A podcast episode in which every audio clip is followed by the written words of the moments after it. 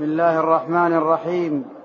الحمد لله رب العالمين والصلاة والسلام على عبد الله ورسوله نبينا محمد وعلى آله وصحبه أجمعين. أما بعد فيقول الإمام الحافظ أبو عيسى الترمذي رحمه الله تعالى في كتابه شمائل النبي صلى الله عليه وسلم قال باب صفة خبز رسول الله صلى الله عليه وسلم الحديث السابع. قال حدثنا محمود بن غيلان قال حدثنا أبو داود قال حدثنا شعبة عن أبي إسحاق قال سمعت عبد الرحمن بن يزيد يحدث عن الأسود بن يزيد عن عائشة رضي الله عنها قالت ما شبع رسول الله صلى الله عليه وسلم من خبز الشعير يومين متتابعين حتى قبض.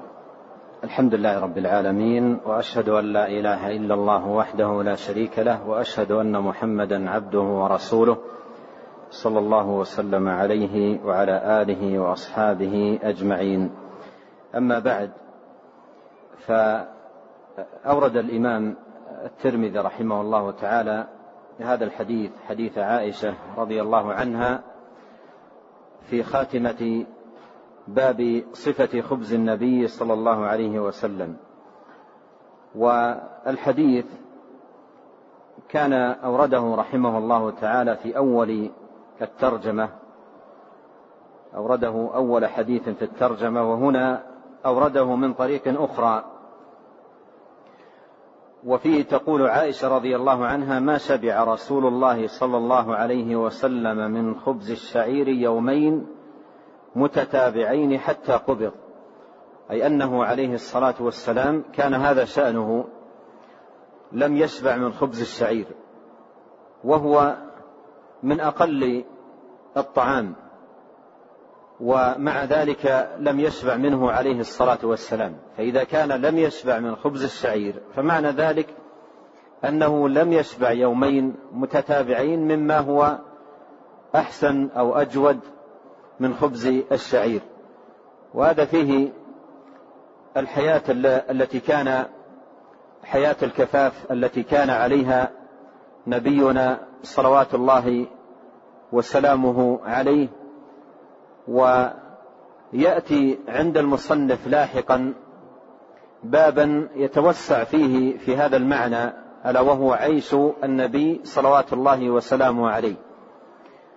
وإنما أورد الحديث هنا لبيان أن طعام النبي عليه الصلاة والسلام من الشعير ونحوه وما شبع من طعام الشعير يومين متتابعين.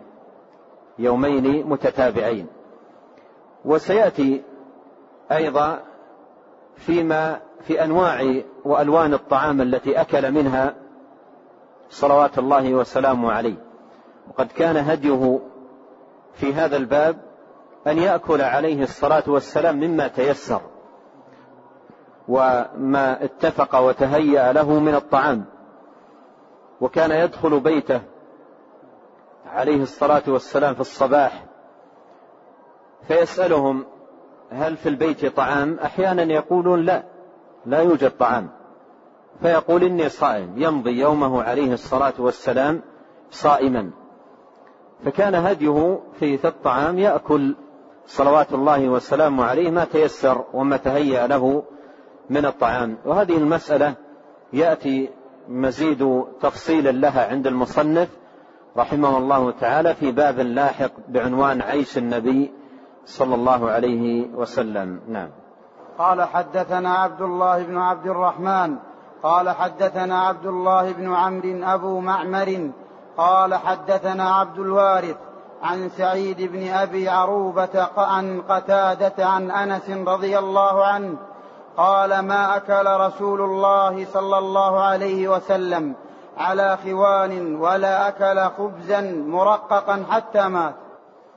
وكذلك هذا الحديث حديث أنس بن مالك تقدم عند المصنف رحمه الله تعالى في هذه الترجمة ومضى هناك الكلام على الكلام على معناه والشاهد منه للترجمة قول أنس رضي الله عنه ولا أكل خبزا مرققا حتى مات. وعرفنا فيما سبق أن الخبز المرقق هو الملين المحسن من الترقيق وهو التليين والتحسين. فهذا ما أكله عليه الصلاة والسلام حتى مات. بل مر معنا أنه صلوات الله وسلامه عليه ما رآه بعينه. فضلا عن يأكله ويطعمه صلوات الله وسلامه عليه. نعم. قال رحمه الله باب, باب صفة إدام رسول الله صلى الله عليه وسلم. قال حدثنا محمد بن سهل بن عسكر وعبد الله وعبد الله بن عبد الرحمن. قال حدثنا يحيى بن حسان. قال حدثنا سليمان, سليمان بن بلال عن هشام بن عروة عن أبيه عن عائشة رضي الله عنها أن رسول الله صلى الله عليه وسلم قال نعم الإدام الخل. قال عبد الله بن عبد الرحمن في حديثه نعم الإدام أو الأدم الخل. ثم عقد الإمام الترمذي رحمه الله تعالى هذه الترجمة قال باب صفة إدام رسول الله صلى الله عليه وسلم. الإدام ويقال له أيضا الأدم. الإدام ويقال له أيضا الأدم هو ما يؤكل بالخبز أيا كان. ما يؤكل بالخبز أيا كان يقال له إيدام وسمي بهذا الاسم إيدام لأنه من شأنه جعل الخبز ملائما للإنسان. جعل الخبز ملائما للإنسان.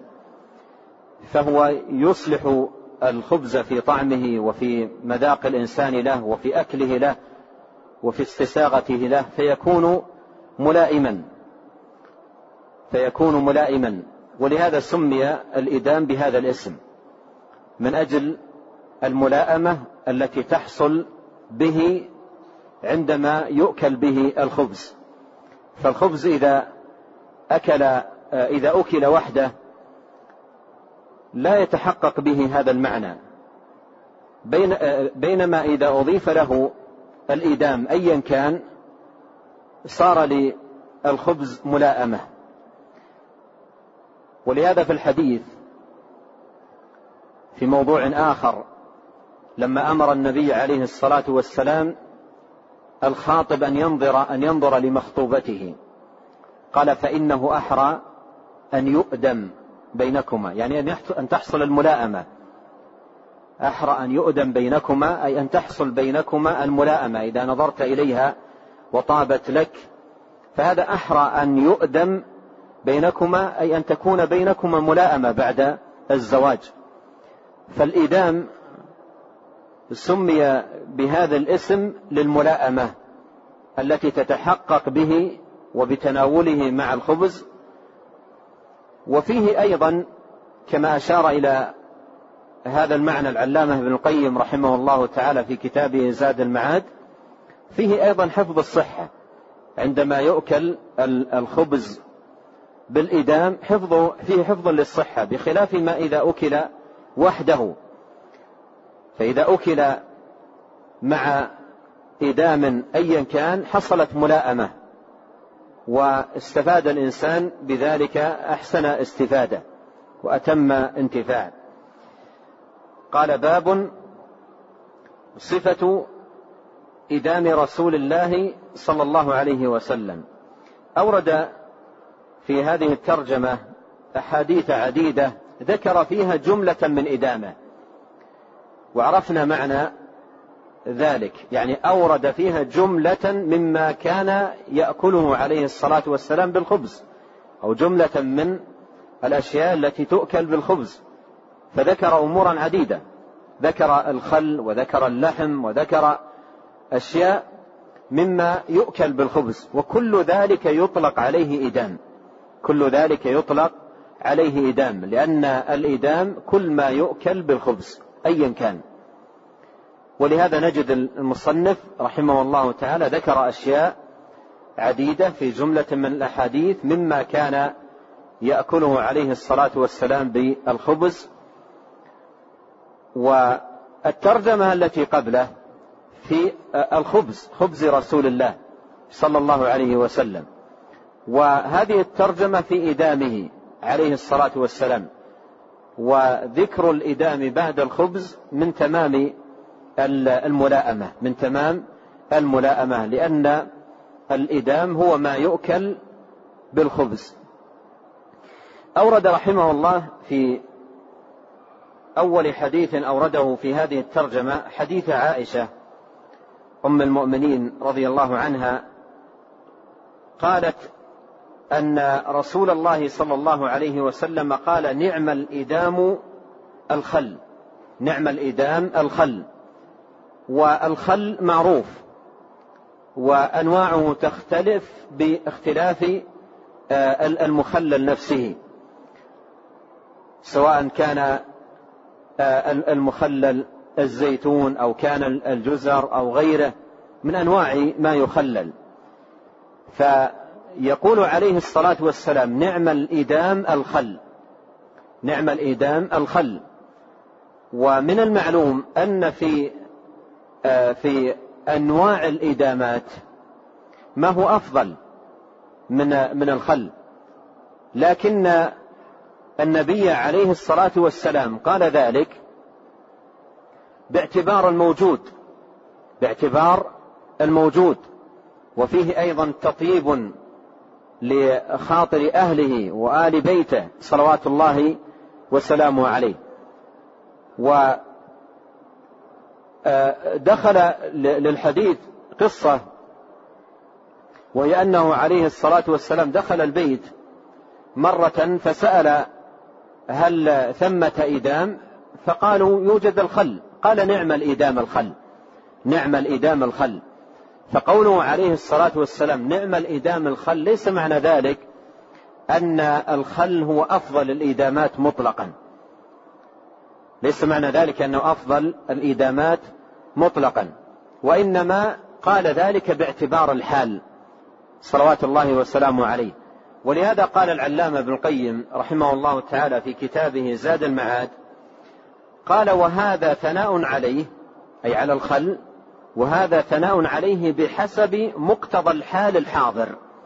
وهذا ثناء عليه بحسب مقتضى الحال الحاضر.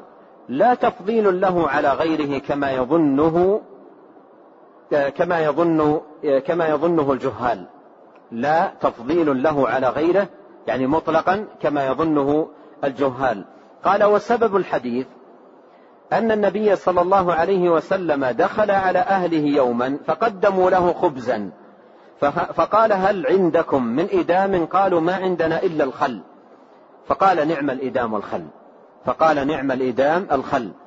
فقوله عليه الصلاة والسلام نعم الإدام الخل أي باعتبار الحاضر أو الحال أو الشيء الموجود والمتيسر فقال هذه الكلمة صلوات الله وسلامه عليه. نعم.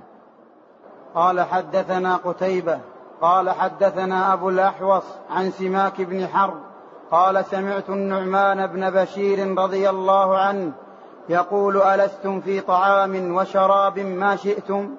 لقد رأيت نبيكم نبيكم نبيكم صلى الله عليه وسلم وما يجد من الدقل ما يملأ بطنه. ثم أورد رحمه الله تعالى حديث النعمان بن بشير رضي الله عنه يقول ألستم في طعام وشراب ما شئتم؟ يخاطب من بقي من الصحابة ويخاطب أيضا التابعين يقول ألستم في طعام وشراب ما شئتم؟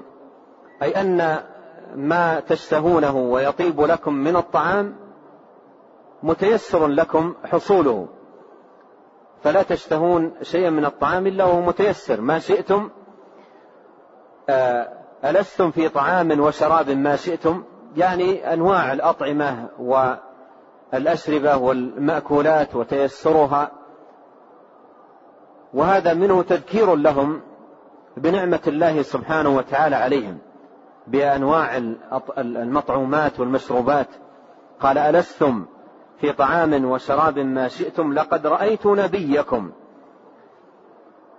وقوله نبيكم لم يقل النبي أو نبينا أو الرسول صلى الله عليه وإنما قال نبيكم. لتذكيرهم بمنة الله عليهم باتباعه والإيمان به والائتساء به وهذا أدعى لاستحضار المعنى الذي يذكره رضي الله عنه. قال لقد رأيت نبيكم وما يجد من الدقل من الدقل ما يملأ بطنه.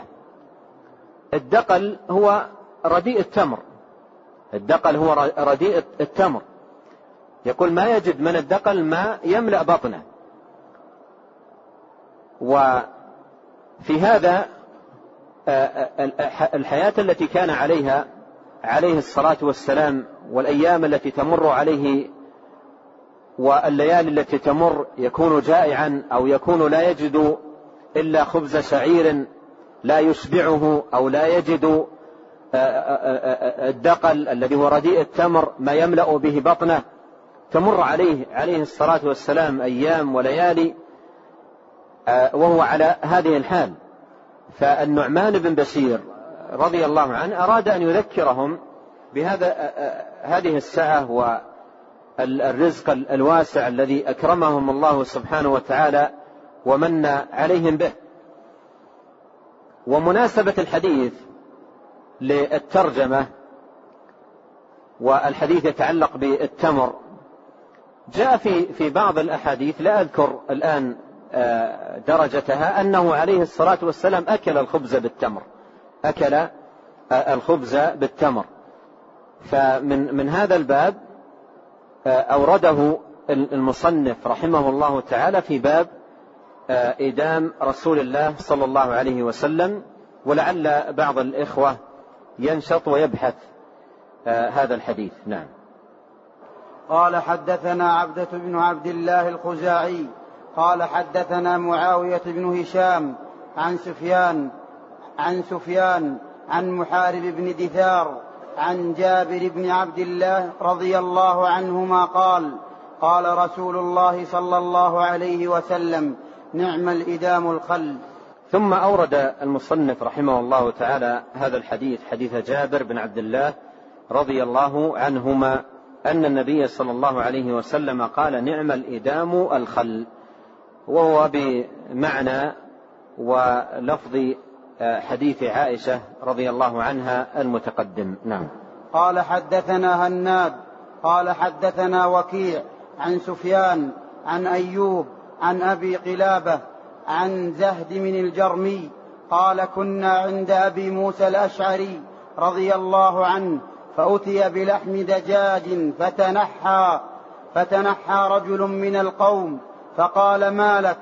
فقال إني رأيتها تأكل نتنا فحلفت ألا آكلها. قال أدن فإني رأيت رسول الله صلى الله عليه وسلم يأكل لحم دجاج.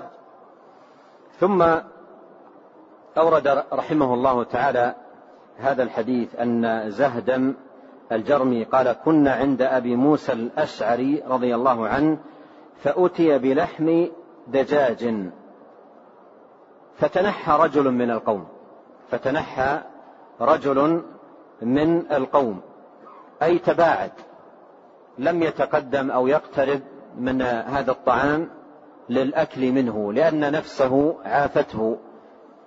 ولم تقبل عليه نفسه فتباعد يعني لم يتقدم كغيره للتناول من هذا من هذا الطعام. قال فتنحى رجل من القوم فقال ما لك؟ فقال ما لك؟ يعني ما سبب عدم إقبالك على هذا الطعام والأكل منه. فقال إني رأيتها تأكل نتنا إني رأيتها تأكل نتنا ولم يحدده ولم يعين. حتى أيضا لا وسيأتي في الحديث الآخر قال رأيتها تأكل شيئا. تأكل شيئا. وفي بعض النسخ بدل نتنا شيئا. أي أنه لم لم يعين حتى لا يجعل الحاضرين يتقدرون الطعام وتعافه نفوسهم. وتعافه نفوسهم. ولهذا آه، إذا لم يطب للإنسان الطعام ولم تقبل عليه نفسه يكفي أن يقول أجدني أعافه كما قال عليه الصلاة والسلام في في الضب أو لا تقبله نفسي أو لا أرغب فيه أو نحو ذلك. لكن لا يأتي بذم للطعام يجعل الحاضرين تعافه أنفسهم لأن بعض الناس إذا عيب الطعام عنده أو ذكرت له بعض الأشياء حول الطعام عافته نفسه وهذا من الغلط وخلاف الأدب الذي ينبغي عليه أن يكون عليه الإنسان. لكن يقول أجدني أعافه أو لا أقبله أو لا أرغب فيه أو نحو ذلك من العبارات التي لا تسبب لدى الحاضرين كراهية للطعام وعدم إقبال عليه. قال إني رأيتها تأكل نتنا فحلفت ألا آكلها. فحلفت ألا آكلها. قد يكون حلف ألا يأكلها من هول المنظر الذي رآه أو يكون أيضا حلف ألا يأكلها حتى لا يحرج فيما بعد أو يضطر إلى أكلها فيما بعد. فيقول لمن يطلب يقول أنا حلفت لا آكلها أو علي يمين أنني لا لا آكلها. قال فحلفت ألا آكلها. قال أدنو. فإني رأيت رسول الله صلى الله عليه وسلم يأكل لحم الدجاج. فإني رأيت رسول الله صلى الله عليه وسلم يأكل لحم الدجاج. وهذا فيه حب الصحابة رضي الله عنهم لما كان يأكله عليه الصلاة والسلام ويقبل عليه من الطعام فقال أدن فإني رأيت رسول الله صلى الله عليه وسلم يأكل لحم الدجاج أي أن لحم الدجاج لا شيء فيه ولحم مباح وأكله النبي عليه الصلاة والسلام فلا ينبغي أن يكون في نفسك شيء منه. وقد أكله آه، نبي الله صلوات الله وسلامه عليه. نعم إذا كانت الدجاجة أخذت تأكل من القدر و آه، آه، تأكل من الأوساخ والقاذورات ونحو ذلك حتى أثر فيها وفي لحمها وأصبحت جلالة فهذا نهى النبي عليه الصلاة والسلام عن أكل الجلالة. نهى عليه الصلاة والسلام عن أكل الجلالة وهي التي تأكل القدر والوسخ. إذا كانت الدجاجة بهذه الصفة لا تؤكل وإنما تحبس عن هذا الأكل ويقدم لها الطعام الطيب والغذاء الطيب وتبعد عن القدر حتى يطيب لحمها ثم حينئذ تؤكل.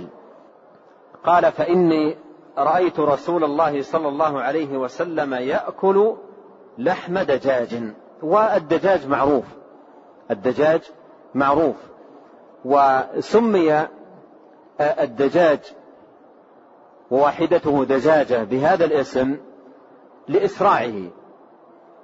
سمي بهذا الاسم لإسراعه. يقال دج يدج أي أسرع.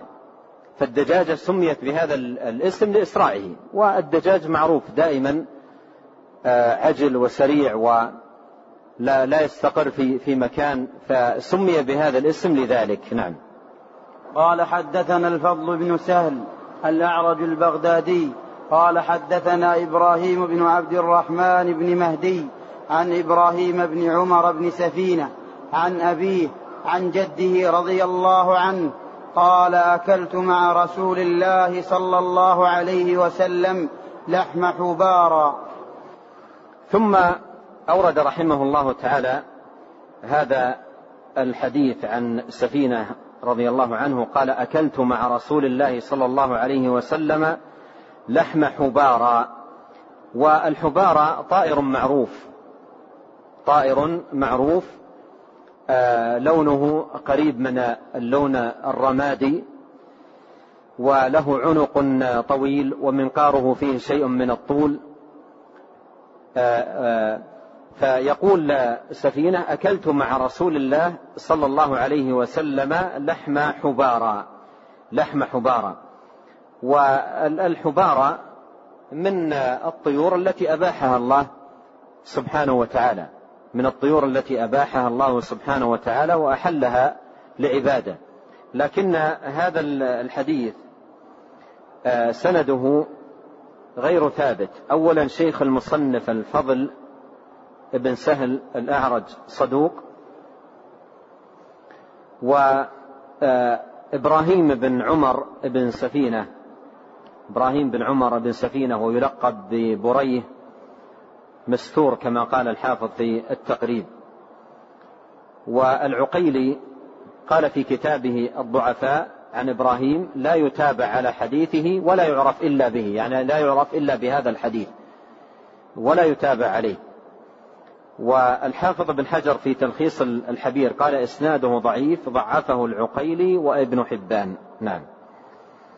قال حدثنا علي بن حج قال حدثنا إسماعيل بن إبراهيم عن أيوب عن القاسم التيمي عن زهد بن الجرمي قال كنا عند أبي موسى الأشعري رضي الله عنه قال فقد قال فقدم طعامه وقدم في طعامه لحم دجاج وفي القوم رجل من بني تيم الله أحمر كأنه مولى.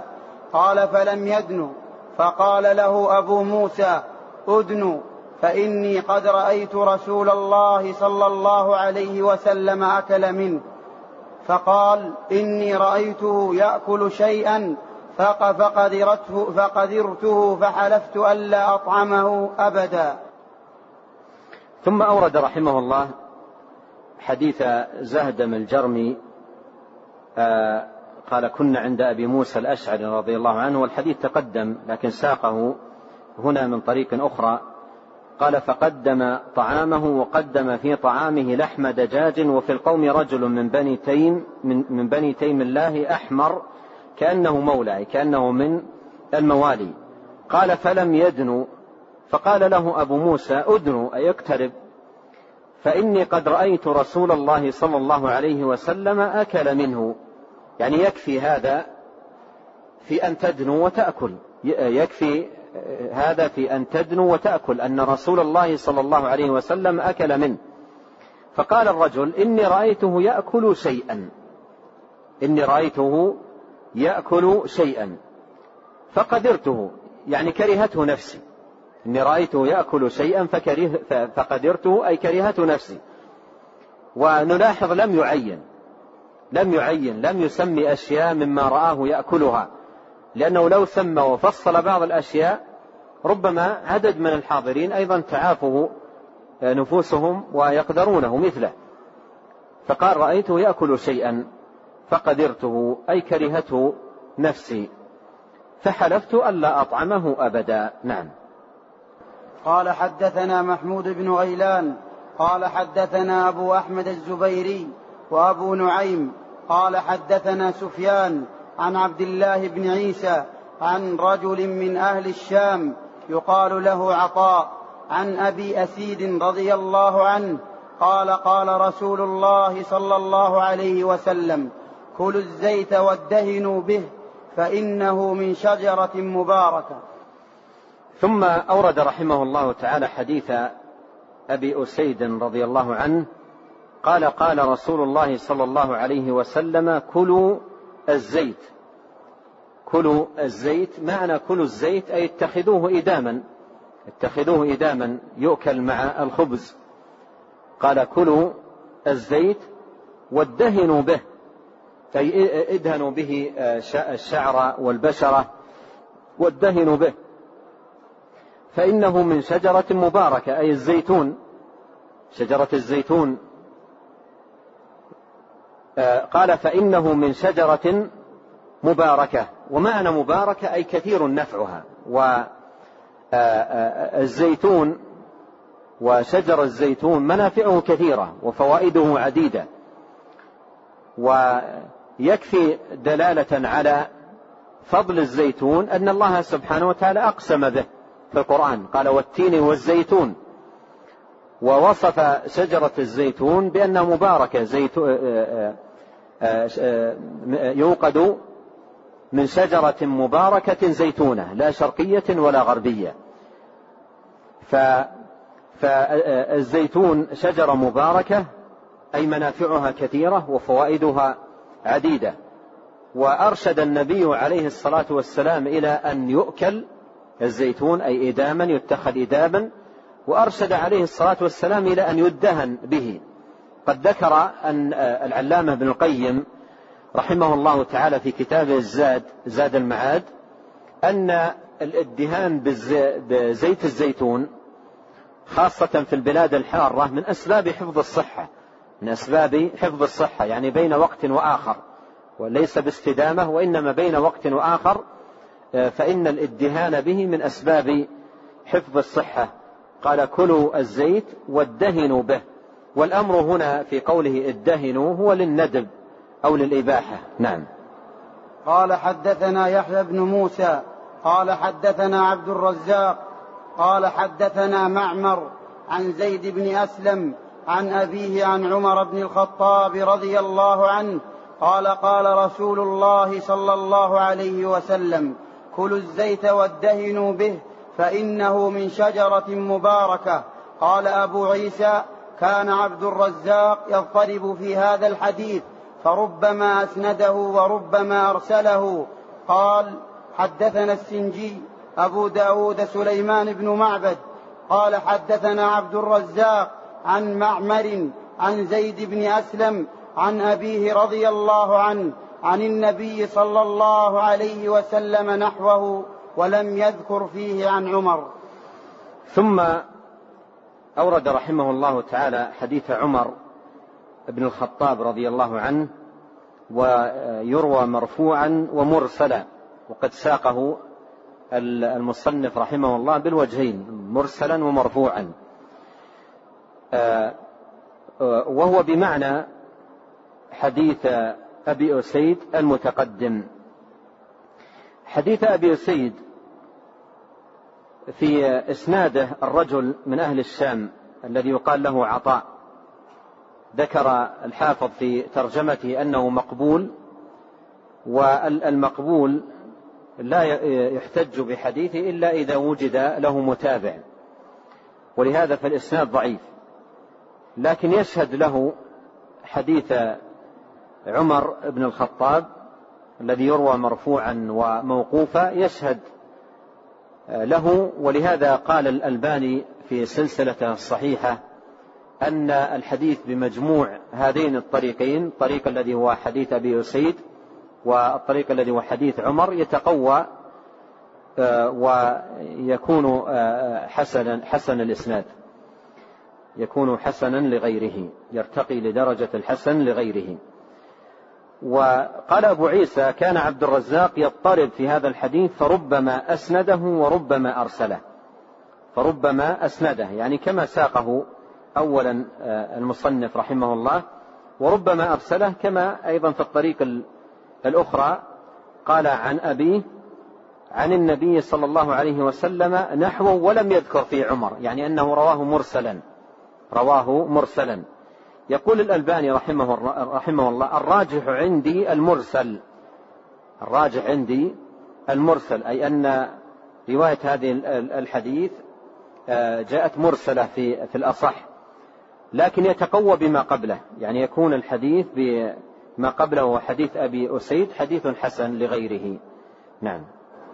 قال حدثنا محمد بن بشار قال حدثنا محمد بن جعفر وعبد الرحمن بن ابن مهدي قال حدثنا شعبة عن قتادة عن أنس رضي الله عنه قال كان النبي صلى الله عليه وسلم يعجبه الدباء فأتي بطعام أو دعي له فجعلت أتتبعه وأضعه بين يديه لما أعلم أنه يحبه. ثم أورد رحمه الله تعالى حديث أنس رضي الله عنه قال كان النبي صلى الله عليه وسلم يعجبه الدباء والدباء القرع المعروف. قال كان يعجبه الدباء ومعنى يعجبه أي يحبه ويستحسنه عليه الصلاة والسلام ويطيب له. قال يعجبه الدباء فأتي بطعام أو دعي له فجعلت أتتبعه وأضعه بين يديه. أتتبعه يعني في, في القصعة وأضعه بين يدي لما أعلمه لما أعلم أنه يحبه صلوات الله وسلامه عليه. فشاهد الحديث للترجمة آه، أكل النبي عليه الصلاة والسلام للدباء وهو نوع من الإدام الذي يؤكل بالخبز. نعم. قال حدثنا قتيبة قال حدثنا حفص بن غياث عن إسماعيل بن أبي خالد عن حكيم بن جابر عن أبيه رضي الله عنه قال دخلت على النبي صلى الله عليه وسلم فرأيت عنده دباء يقطع فقلت ما هذا؟ قال نكثر به طعامنا. قال أبو عيسى وجابر هذا هو جابر بن طارق ويقال ابن أبي طارق وهو رجل من أصحاب رسول الله صلى الله عليه وسلم. ولا نعرف له إلا هذا الحديث الواحد وأبو خالد اسمه سعد. ثم أورد رحمه الله تعالى هذا الحديث حديث جابر بن طارق أو ابن أبي طارق رضي الله عنه وهو صحابي كما أوضح ذلك الترمذي رحمه الله في الترجمة المختصرة التي أوردها له صحابي مقل ولهذا قال الترمذي ولا نعرف له إلا هذا الحديث الواحد.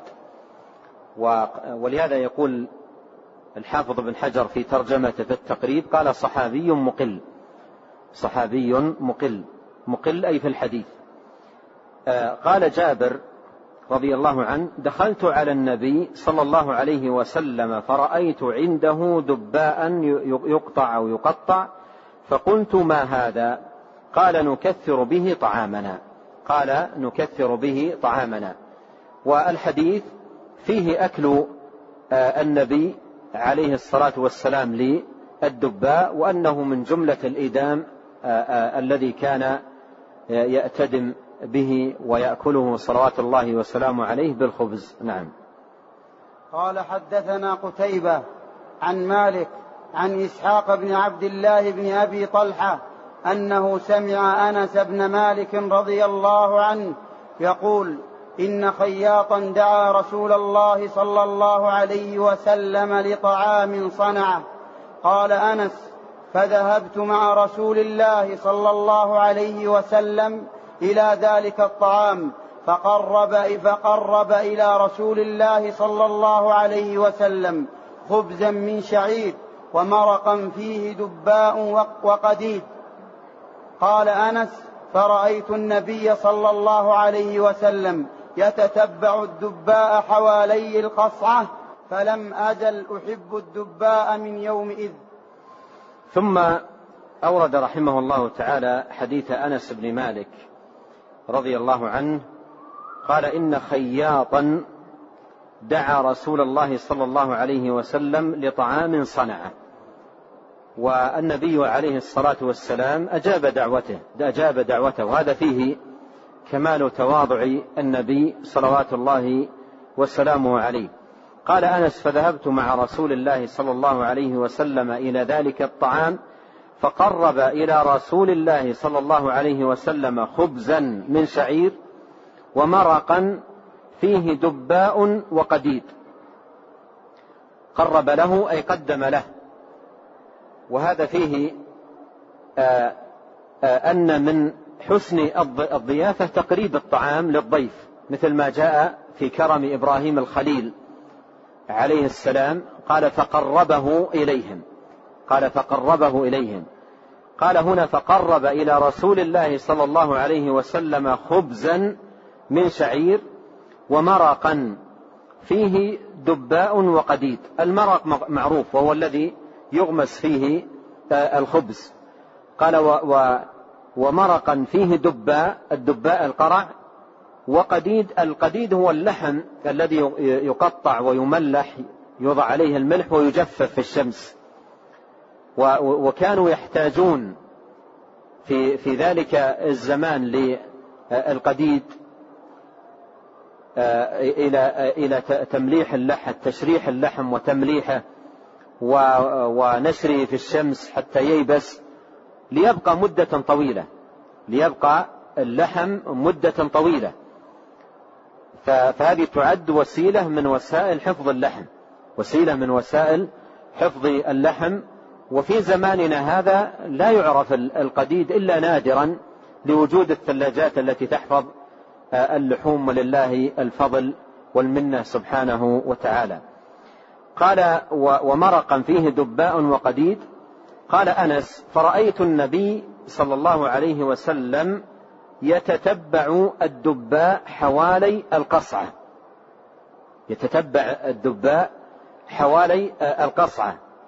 فلم أزل أحب الدباء من يومئذ. فلم أزل أحب الدباء من يومئذ.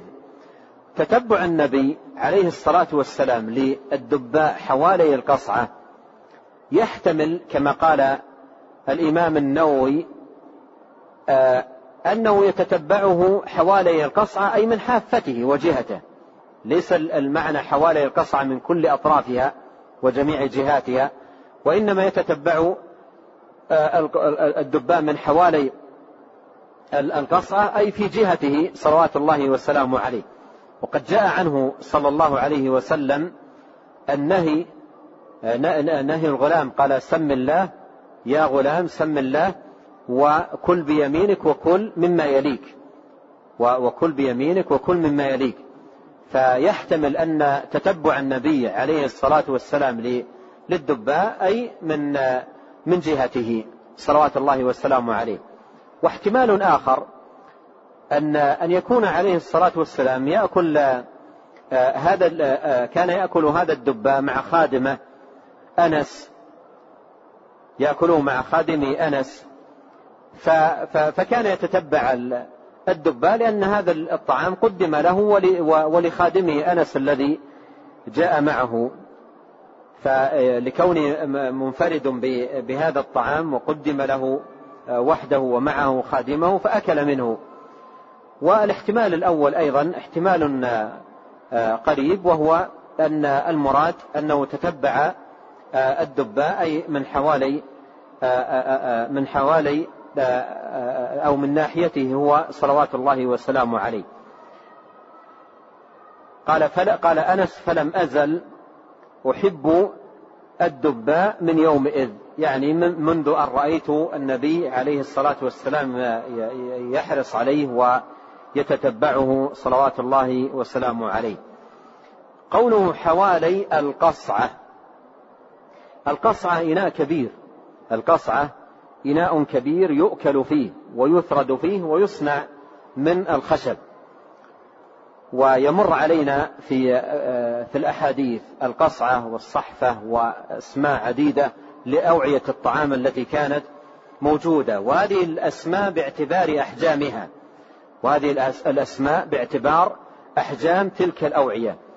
ولهذا يقول آه، الثعالبي في كتابه فقه اللغة لما ذكر أسماء الآنية لما ذكر أسماء الآنية قال أولها أولها الفيخة وهي كالسكرجة ومرت معنا السكرجة أن النبي صلى الله عليه وسلم ما أكل على خوان ولا سكرجة. والسكرجة وعاء صغير جدا وعادة يوضع فيه عادة يوضع فيه الأشياء اليسيرة مثل المشهيات المقبلات ونحوها. قال ما أكل على خوان ولا في سكرجة. آه، السكرجة وعاء صغير. قال أولها الفيخة وهي كالسكرجة ثم الصحيفة بالتصغير. تشبع الرجل. ثم الصحيفة بالتصغير وهي تشبع الرجل الواحد.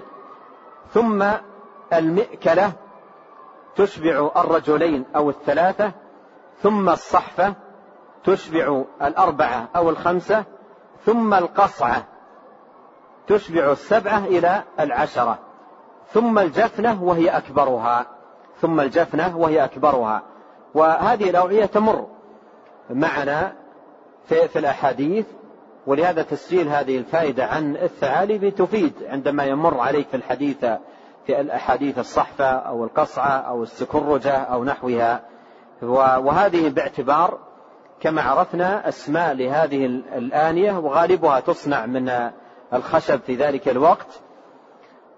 وهذه الأسماء باعتبار الأحجام. هذه الأسماء باعتبار أحجامها. نعم. قال حدثنا أحمد بن إبراهيم الدورقي وسلمة بن شبيب ومحمود بن غيلان قالوا حدثنا أبو أسامة عن هشام بن عروة عن أبيه عن عائشة رضي الله عنها قالت كان النبي صلى الله عليه وسلم يحب الحلواء والعسل. ثم أورد رحمه الله تعالى حديث أم المؤمنين عائشة رضي الله عنها وفيه حب النبي عليه الصلاة والسلام للحلواء. الحلواء أي الطعام الحلو. والعسل معروف. والعسل هو من جملة الإدام مما يؤكل بالخبز. ولهذا أورد المصنف رحمه الله تعالى هذا الحديث في الترجمة في جملة إدام رسول الله صلوات الله وسلامه عليه. نعم. قال حدثنا الحسن بن محمد الزعفراني قال حدثنا حجاج بن محمد قال قال ابن جريج أخبرني محمد بن يوسف أن عطاء بن يسار أخبر أخبره أن أم سلمة رضي الله عنها أخبرته أنها قربت إلى رسول الله صلى الله عليه وسلم جنبا مشويا فأكل منه ثم قام إلى الصلاة وما توضأ.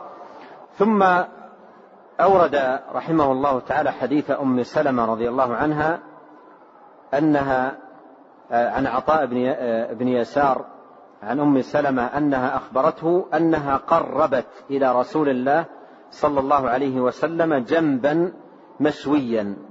جنبا أي طرف. جنبا أي أي طرفا من شاة أو نحوها مشوي. آه، طرفا مشويا.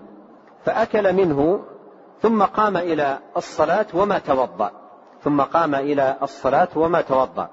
وكان آخر الأمرين من هديه وسنته عليه الصلاة والسلام عدم الوضوء مما مست النار. ويستثنى من ذلك لحم الإبل في أصح آه، قولي أهل العلم في هذه المسألة. فتقول أم سلمة أنه أكل منه ثم قام إلى الصلاة وما توضأ صلوات الله وسلامه عليه. شاهد الحديث الترجمة أن أكل آه، آه، اللحم المشوي آه، من جملة الإدام الذي كان آه، آه، صلوات الله وسلامه عليه منه. نعم. قال حدثنا قتيبة قال حدثنا ابن لهيعة عن سليمان بن زياد عن عبد الله بن الحارث رضي الله عنه قال أكلنا أكلنا مع رسول الله صلى الله عليه وسلم شواء في المسجد. ثم أورد حديث عبد الله بن الحارث رضي الله عنه قال أكلنا مع رسول الله صلى الله عليه وسلم شواء في المسجد. شواء أي لحما مشويا. ويكون في آه، إفادته فيما يتعلق بهذه الترجمة بمعنى حديث أم سلمة المتقدم أكل النبي صلى الله عليه وسلم للحم المشوي وهو من جملة الإدام. قال فأكلنا مع رسول الله صلى الله عليه وسلم شواء في المسجد. والحديث في سنده ابن لهيعة وهو عبد الله صدوق اختلط بعد احتراق كتبه. لكن الحديث رواه الإمام أحمد وابن ماجه من طريق أخرى بإسناد صحيح وليس فيه ذكر الشواء. نعم. قال حدثنا محمود بن غيلان قال حدثنا وكيع قال حدثنا مسعر عن أبي صخرة جامع بن شداد عن المغيرة ابن عبد الله عن المغيرة بن شعبة قال ضفت مع رسول الله صلى الله عليه وسلم ذات ليلة فأتي بجنب مشوي ثم أخذ الشفرة فجعل يحز فحز لي بها منه قال فجاء بلال يؤذنه بالصلاة. فألقى الشفرة فقال ما له تربت يداه. قال وكان شاربه قد وفى. فقال له أقصه لك على سواك أو قصه على سواك؟ ثم أورد رحمه الله تعالى هذا الحديث عن المغيرة بن شعبة رضي الله عنه. قال ضفت مع رسول الله صلى الله عليه وسلم. أي كنت ضيفا مع رسول الله صلى الله عليه وسلم عند رجل. كنا كنت ضيفا مع رسول الله صلى الله عليه وسلم عند رجل ذات ليلة فأتي بجنب مشوي بجنب مشوي مثل ما مر معنا في حديث أم سلمة أنها قربت إلى رسول الله صلى الله عليه وسلم جنبا مشويا جنبا أي طرفا آه، مشويا أي شوي على النار لم يسلق ولم يطبخ بالزيت أو بالماء وإنما شوي على النار مباشرة. قال فأتي بجنب مشوي ثم أخذ الشفرة وهي السكين أخذ النبي عليه الصلاة والسلام الشفرة فجعل يحز أي يقطع من اللحم بالشفرة التي بيده صلوات الله وسلامه عليه. قال فحز لي به بها منه. أي حز للمغيرة قطع للمغيرة. وهذا من لطفه عليه الصلاة والسلام وكمال تواضعه وحسن معاشرته لأصحابه صلوات الله وسلامه عليه يقطع لأصحابه بنفسه صلى الله عليه وسلم الطعام. قال فحز لي بها أي بالشفرة منه أي من اللحم. قال فجاء بلال يؤذنه بالصلاة أي يعلمه. بالصلاة وأنه جاء وقتها فألقى عليه الصلاة والسلام فقال ما له تربت يداه. تربت يداه بمعنى افتقر. يعني لصقت يداه بالتراب بمعنى الفقر. من من الفقر. لكن هذه كلمة تقولها العرب وتجري على الألسنة ولا يقصد المعنى. ولا يقصد المعنى. مثل ويحك ونحوها تأتي في في في في في في بعض المقامات ولا يقصد المعنى. مثل عقرة وحلقة ونحو هذه الألفاظ تأتي على الألسن ولا يقصد المعنى. قال ما له آه، تربت يداه. قال وكان شاربه قد قد وفى. يعني قد طال. شاربه قد وفى أي قد طال. وهذا فيه التفات من المتكلم إلى الغيبة. وكان شاربه قد قد طال جاء لفظ الحديث المسند وكان شاربي أي شارب المغيرة. راوي الحديث. قال وكان شاربي وفى أي طال. كان شاربي وفى أي طال. آه، فقال له أقصه لك على على سواك أو قصه على سواك؟ أقصه لك على سواك أو قصه على سواك. وهذا فيه أن هديه عليه الصلاة والسلام وهو الفطرة قص الشارب. وألا يترك الشارب يطول وينزل على الشفة. ولهذا لما رأى شاربه وفى أي طال لما رأى شاربه وفى أي طال نزل على شفته قال أقصه لك أو قصه؟ أو قال قصه على سواك ومعنى قصة على سواك يعني أن يأتي بالسواك ويضعه تحت الشارب ويرفع به الشارب ثم يقصه بالمقص. ثم يقصه بالمقص. فالشاهد أن أن من هديه عليه الصلاة والسلام قص الشارب وهذا من سنن الفطرة. وهذا من سنن الفطرة. لكن إذا تبدلت الفطرة لدى الإنسان يستحسن القبيح ويستقبح الحسن. ف... ف... ولهذا بعض الناس إذا تغيرت الفطرة وتبدلت عنده يطيل شاربه إطالة فاحشة بحيث إن شاربه يغطي فمه ويحلق لحيته مع أن الجمال في بقاء اللحية وقص الشارب. كما كانت أم المؤمنين رضي الله عنها تقول في في حلفها والذي زين الرجال باللحى لأن اللحية زينة وجمال للرجل. والشارب قصه هو الزينة وهو النظافة. هو زينة ونظافة. بينما إذا نزل على الفم يكون من حيث المنظر ليس بجميل. وأيضا من حيث النظافة ليس بنظيف لأنه آه، يتأذى به الإنسان في طعامه.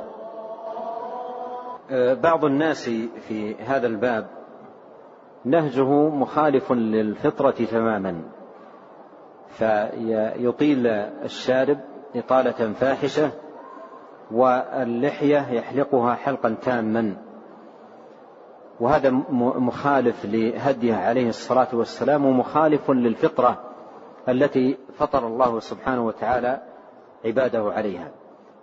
ولهذا نرى نبينا عليه الصلاة والسلام لما رأى هذا الصحابي في شاربه شيء من الطول قال وفى شاربه أي وجد أن شاربه قد طال قال أقصه لك على سواك أو قصه على سواك؟ يعني لا تبقيه على هذه الحال لا تبقيه طويلا. وهذا معناه أن المسلم ينبغي له دائما أن يتعاهد شاربه أن يتعاهد شاربه. وكلما طال يعني كلما وفى كلما طال يقصه ولا يبقيه ينزل طويلا على على شفتيه لأن نزوله على الشفتين أو على الشفة العليا من جهة يتنافى مع النظافة. ومن جهة أيضا يتنافى مع الجمال ومن جهة ثالثة أيضا يكون مؤذيا. وقلت أكثر من مرة أن من يطيل شاربه من يطيل شاربه ويجعله ينزل على على فمه. لو أحب أن يدخل سرورا على طفله الصغير بقبلة وفي الحديث ليس منا من لم يرحم صغيرنا فأراد رحمة بالصغير أن يقبله. كيف سيكون وقع هذه القبلة على نفس الصغير؟ عندما يقبله بذاك الشارب الكث النازل على الشفة ويضع آه، فمه على على خد الصغير ويقبله. الصغير سيتأذى من ذلك ولن تكون هذه رحمة له. هذه ستكون نوع من الأذية له. ويقول ليت الله راحني من هذه القبلة وسلمت منها. ما أصبحت رحمة. أصبح شيئا مؤذيا له. شعر كثيف نازل على الشفة ثم يأتي ويضغط بهذا الشعر الكثيف على خد الصغير الناعم الرقيق من باب الرحمة. هذه ما هي رحمة. هذه ليست رحمة. هذه نوع من الأذية للصغير. يتأذى بها ويتمنى ألا يعود إلى تقبيله مرة ثانية. تمنى ألا يعود إلى تقبيله مرة ثانية لأن هذا شيء مؤذي. ليس شيئا يبهجه ولا يدخل سرورا على قلبه ولا فرحا إلى نفسه. أما زوجته فلا تسأل عن ألمها الشديد وحزنها الفظيع بهذه الحالة المزرية التي عليها زوجها بهذا الشارب الطويل.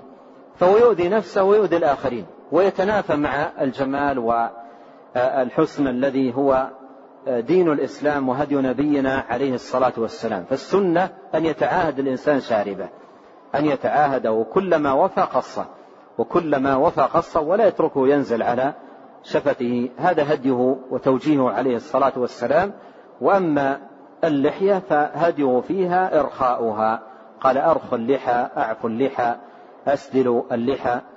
وشاهد الحديث للترجمة أكل النبي عليه الصلاة والسلام للحم المشوي وهو من جملة الإدام ولهذا أورده المصنف رحمه الله تعالى في هذه الترجمة والله تعالى أعلم وصلى الله وسلم على عبد الله ورسوله نبينا محمد وآله وصحبه أجمعين.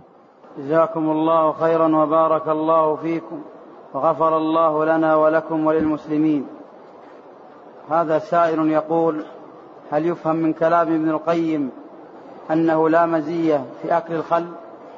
ابن القيم رحمه الله ذكر فوائد للخل وكلام ابن القيم لا يفهم منه أبدا أن الخل لا مزية له لكنه يبين معنى قول النبي عليه الصلاة والسلام نعم الإدام الخل. ليس المراد بذلك أنه أفضل أنواع الإدامات مطلقا ليس هذا هو المراد. وإنما قال ذلك باعتبار الموجود والمتيسر عنده في بيته صلوات الله وسلامه عليه. نعم. هذا متعلق بدرس أمس. يقول عندما يلعق أو يلعق لمن تكون البركة؟ أصابعه على كل حال البركة في تحري السنة. البركة في تحري السنة. فإذا تحرى الإنسان السنة فلعق إصبعه أو ألعقها فإن البركة حاصلة باتباع السنة وتحريها والسنة كلها بركة. يقول في هذا الزمان كثر الطعام وتنوع وأصبح يرمى فما هي نصيحتك هذه حقيقة من الأمور المؤلمة المحزنة. والله تعالى يقول كلا إن الإنسان ليطغى أن رآه استغنى. كلا إن الإنسان ليطغى أن رآه استغنى.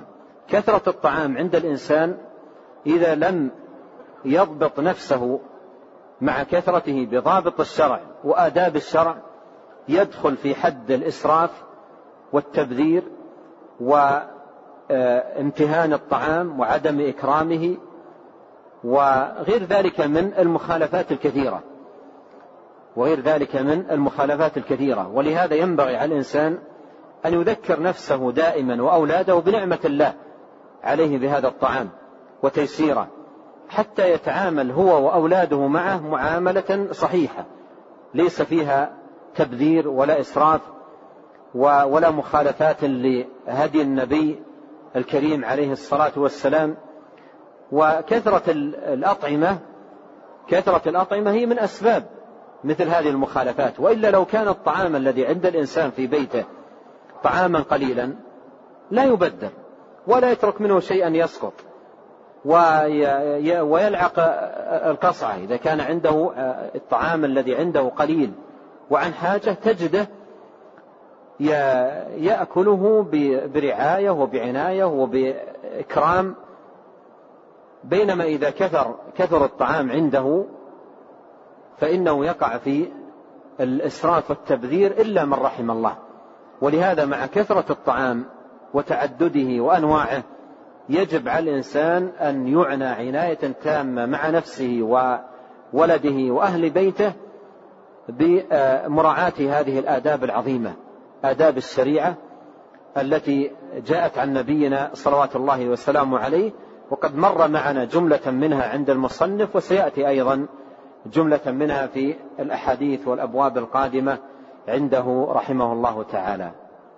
يقول هل الجلوس على الكرسي عند الأكل منهي عنه وهل الاتكاء عند شرب الشاي والقهوة منهي عنه؟ الأكل عن عن جلوس على كرسي أو نحوه لا أعلم ما يدل على النهي عن ذلك. لا أعلم ما يدل على النهي عن ذلك. لكن النبي عليه الصلاة والسلام كما مر معنا ما أكل على خوان. والخوان هو الشيء المرتفع يوضع عليه الطعام. فما أكل عليه الصلاة والسلام على خوان ومر معنا أن أنس بن مالك وهو راوي الحديث وهو الذي ذكر أن النبي عليه الصلاة والسلام آه، ما أكل على خوان كان عنده آه، رضي الله عنه خوان فهذا من الأمور المباحة. والأصل في هذه الأشياء آه، الأصل فيها الإباحة والحل. الأصل فيها الإباحة والحل. ولا أعلم شيئا يفيد. النهي عن ذلك. والشرب متكئا هو بمعنى الأكل متكئا. والمعاني التي مرت معنا وذكرت في الأكل أيضا تنطبق على الشرب. نعم. يقول ألا في الحديث ألا أخبركم بأكبر الكبائر هل الإشراك بالله أصغر أم أكبر؟ هل الإشراك بالله قول النبي صلى الله عليه وسلم الإشراك بالله وعقوق الوالدين. هل الإشراك بالله؟ المراد بالشرك هنا الشرك الأكبر الناقل من ملة الإسلام. قال ألا أخبركم بأكبر الكبائر؟ قلنا بلى يا رسول الله. قال الإشراك بالله. الإشراك بالله. وجاء في بعض الأحاديث أن تجعل لله ندا وهو خلقك.